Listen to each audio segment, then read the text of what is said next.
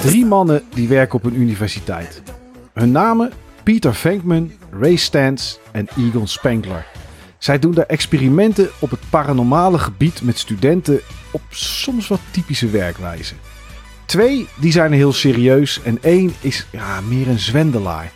Dr. Venkman is zijn naam. En hij neemt het paranormale niet al te serieus. Het lijkt wel alsof hij er niet in gelooft. De drie worden van de universiteit afgeschopt en beginnen voor zichzelf. Peter Venkman is nog steeds niet echt een believer van het paranormale, totdat hij een geest ziet. Als blijkt dat de geestenwereld zich openbaar begint te maken aan New York, en blijkbaar alleen aan New York, zet het team zich schrap om te strijden tegen Zool en Gozer. En dat zijn de Ghostbusters. De film kostte naar schatting 30 miljoen dollar en dat was op 13 december 1984. Het was een sterrencast, althans als je er nu naartoe terugkijkt met Bill Murray, Dan Aykroyd, Sigourney Weaver, Harold Ramis, Rick Moranis en Ernie Hudson.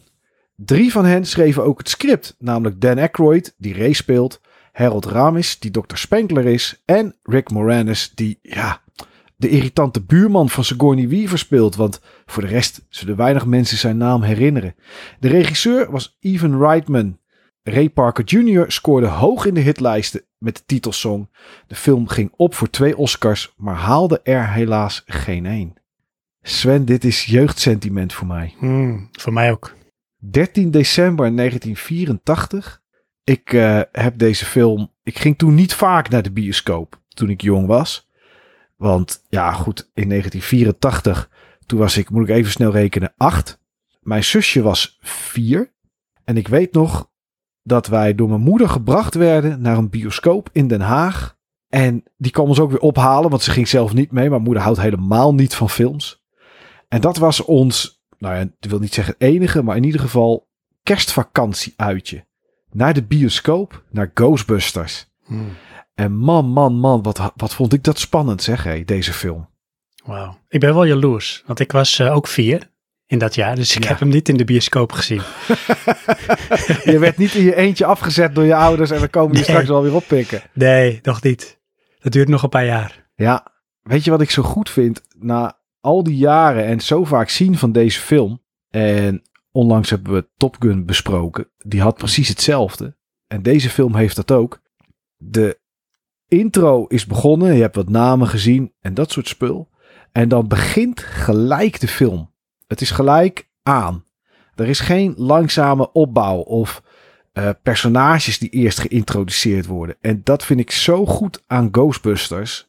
Mhm. De openingsscène, die is zo uniek, sfeervol en alles bepalend eigenlijk voor die hele film. Geweldig. Ja, zeker. De bekende bibliotheekscène. Ja, ja. En er is, nou, er zal niemand zijn die dat nog, die dat nog nooit heeft gezien. Maar het zijn, ja, het zijn niet eens special effects, het zijn practical effects, denk ik. Want alles wordt gewoon gedaan met touwtjes, met mensen die achter boekenkasten zitten en daar dan boeken duwen of omgooien of Klopt. zo van die kaartenbakken waarbij die kaartjes eruit.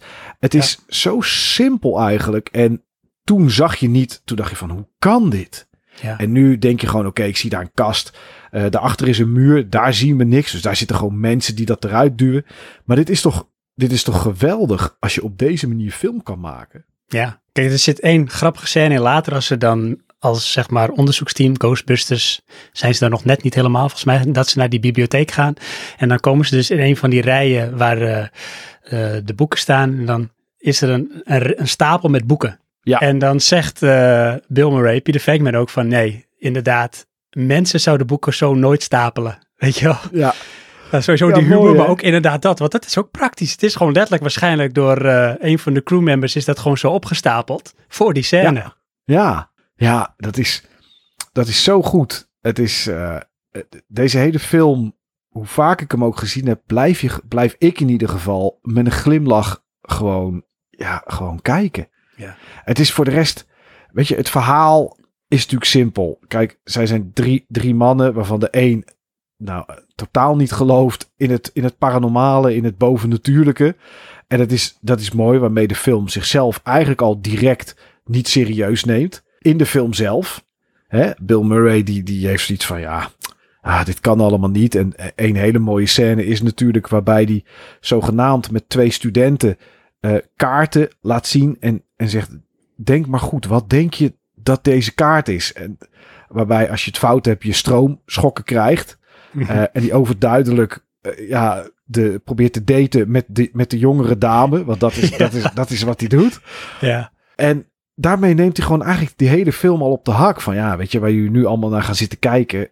Dat kan gewoon allemaal niet. Dat is allemaal niet echt. Nee. En, en dat vind ik al zo goed. Dat brengt ja. al zo'n sfeer, zeg maar, gelijk in deze film. Ja, dat is ook echt de rol die hij speelt, Bill Murray, in deze film. Toen vond ik het vooral echt heel grappig.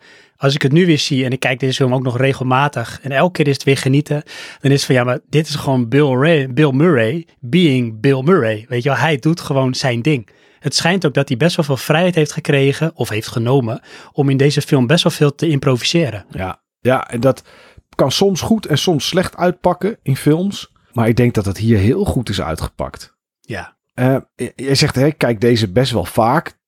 Als je deze film nou nog nooit gezien zou hebben, hè, en dat is moeilijk, omdat, ja, weet je, je hebt er een gevoel bij. Mhm. Zou je deze film dan anno nu, zeg maar, in 2020 nog goed kunnen kijken, denk jij? Wow. Ja, dus stel hè, dat ik, uh, weet ik veel, mijn dochter van acht deze film nu laat zien. Dan denk ik dat zij dat wel een vermakelijk en misschien zelfs ook nog wel een beetje spannende film zou vinden. En dat ik dat toen vond. Ja. Ben je volwassen en of iets oudere leeftijd, dan heb je deze film toen nooit echt meegemaakt of gezien en je zou hem gaan kijken. Ja, er is wel iets met jaren tachtig films, wat misschien toch een bepaalde groep kijkers misschien niet helemaal meer trekt hoor.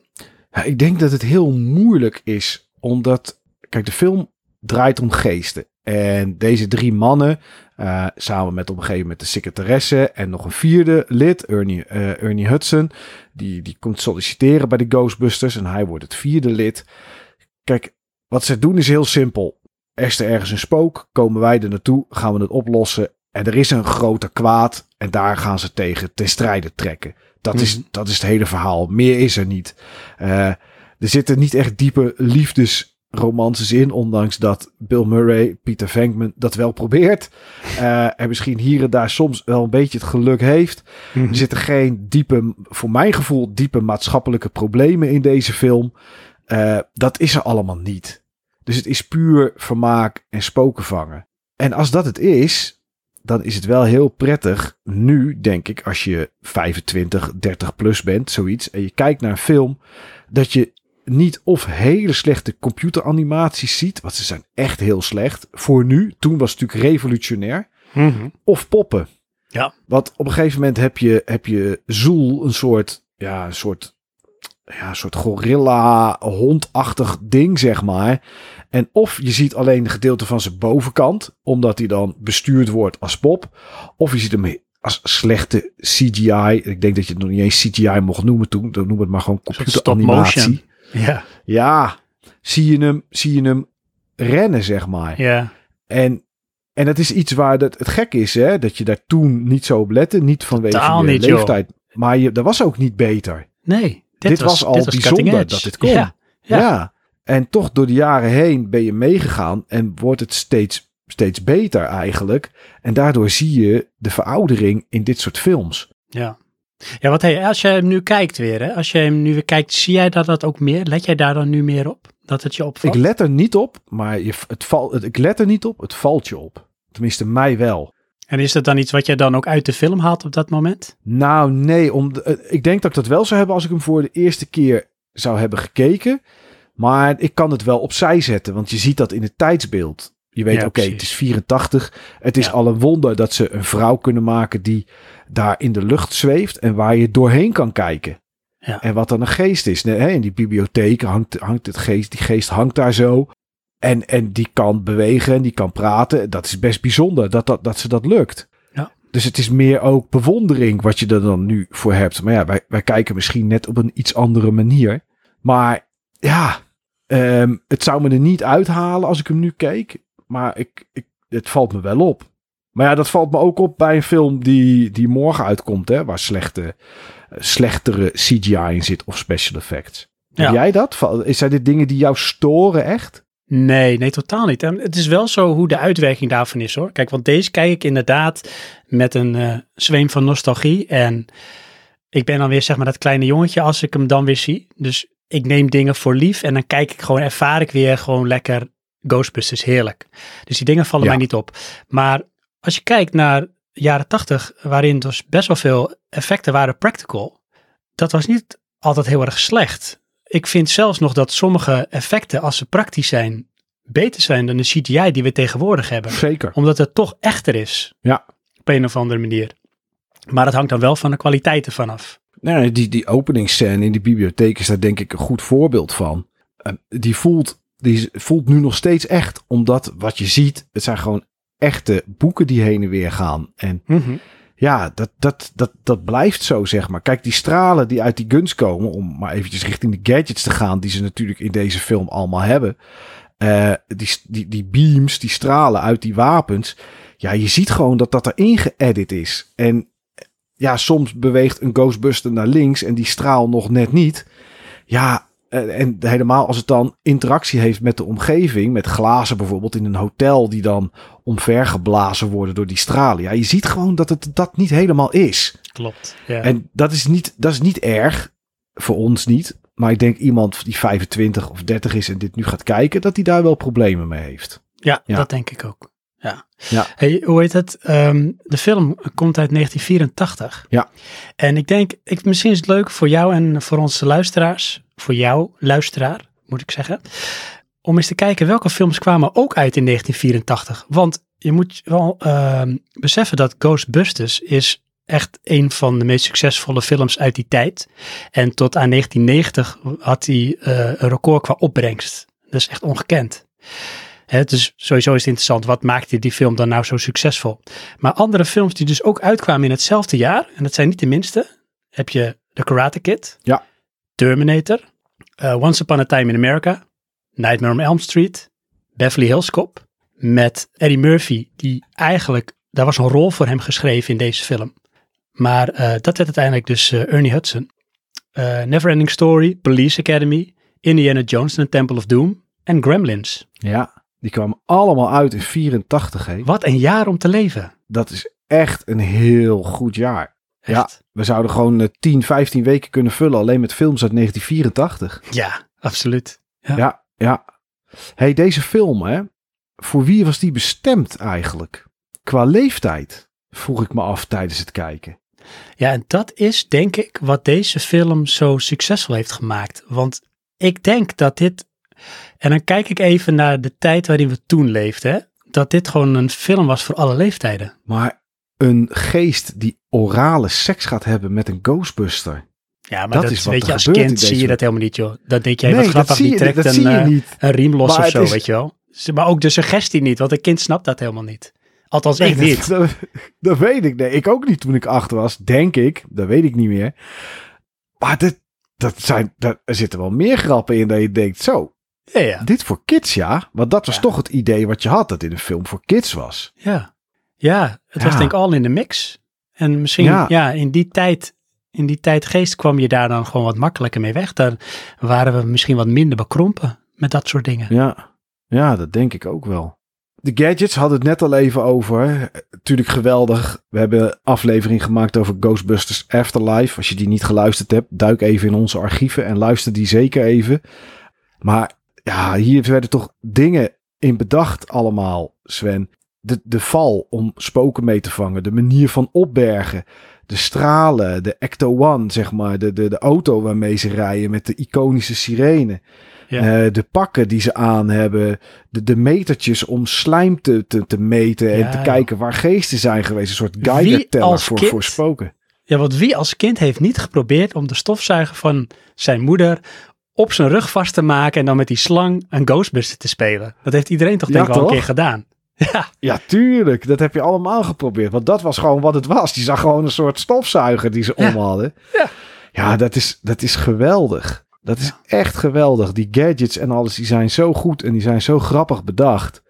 Dat is echt hier. Ja, dat hebben Dan Aykroyd, Harold eh, Ramis en, en Rick Moranis hebben dat echt heel goed geschreven en bedacht door deze film. ja absoluut. Ja, ja. Ik denk dat we best wel veel dingen hebben besproken en benoemd over deze film. Die, als ik het zo hoor, hebben we beide wel een liefde voor Ghostbusters. Ja. Ehm, maar ik, ik vroeg net ook, hè, wat maakt deze film nou, of wat heeft deze film nou zo succes, succesvol gemaakt? En ehm, dat is waarschijnlijk een mix van vijf dingen. Ehm, een uniek verhaal. Want een verhaal dat over spoken gaat en nou ja, goed, op die manier in elkaar gezet, dat was er eigenlijk tot op dat moment niet. Nee. De special effects, die voor toen best wel heel goed waren. De mix van comedy, actie en horror. En met name dat laatste, hè, want ja, je hebt het toch over spoken, nou dat is eng. Maar hier hebben ze dat zo weten te doen, ja, dat het eigenlijk gewoon echt vermaak was. Dus het was misschien wel ergens een beetje spannend als je wat kleiner bent, maar voor de rest was het gewoon puur vermaak. En dan nog de acteurs en ja, de teamsong. Ja, de teamsong was echt... Ja, dus de- net zoals ehm Axel F., Precies. zeg maar, van Beverly Hills Cop uit dat jaar... was dit ook gewoon een liedje wat gewoon in de hitlijsten stond. Who you gonna call? Volgens mij de laatste die ik... Ja, Ghostbusters. De laatste die ik me kan bedenken, die me zo te binnen schiet... het zal vast niet de laatste zijn geweest... maar die voor mij net zo succesvol was... was volgens mij 2015 Skyfall van eh, Adele voor James Bond.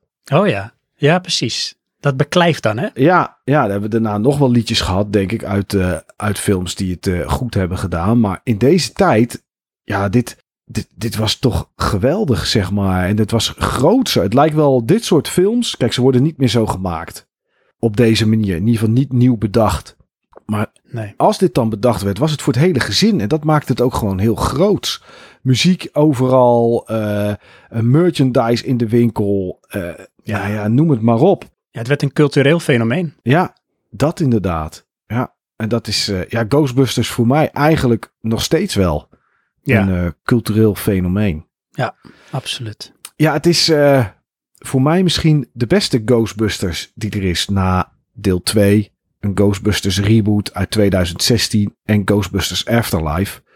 En ja, eh, wat Sven, wat jij net al zei, who you gonna call? Ja, Ghostbusters. En ik denk ook dat je niemand anders moet bellen als je in zo'n situatie zit. Maar als je mag kiezen tussen Dan Aykroyd of Peter Venkman of eh, ja, Dr. Spengler, dan zou ik denk ik Peter Venkman gewoon thuis laten. Want de kans is dat die er niet met de ghosts vandoor gaat, maar met je vrouw.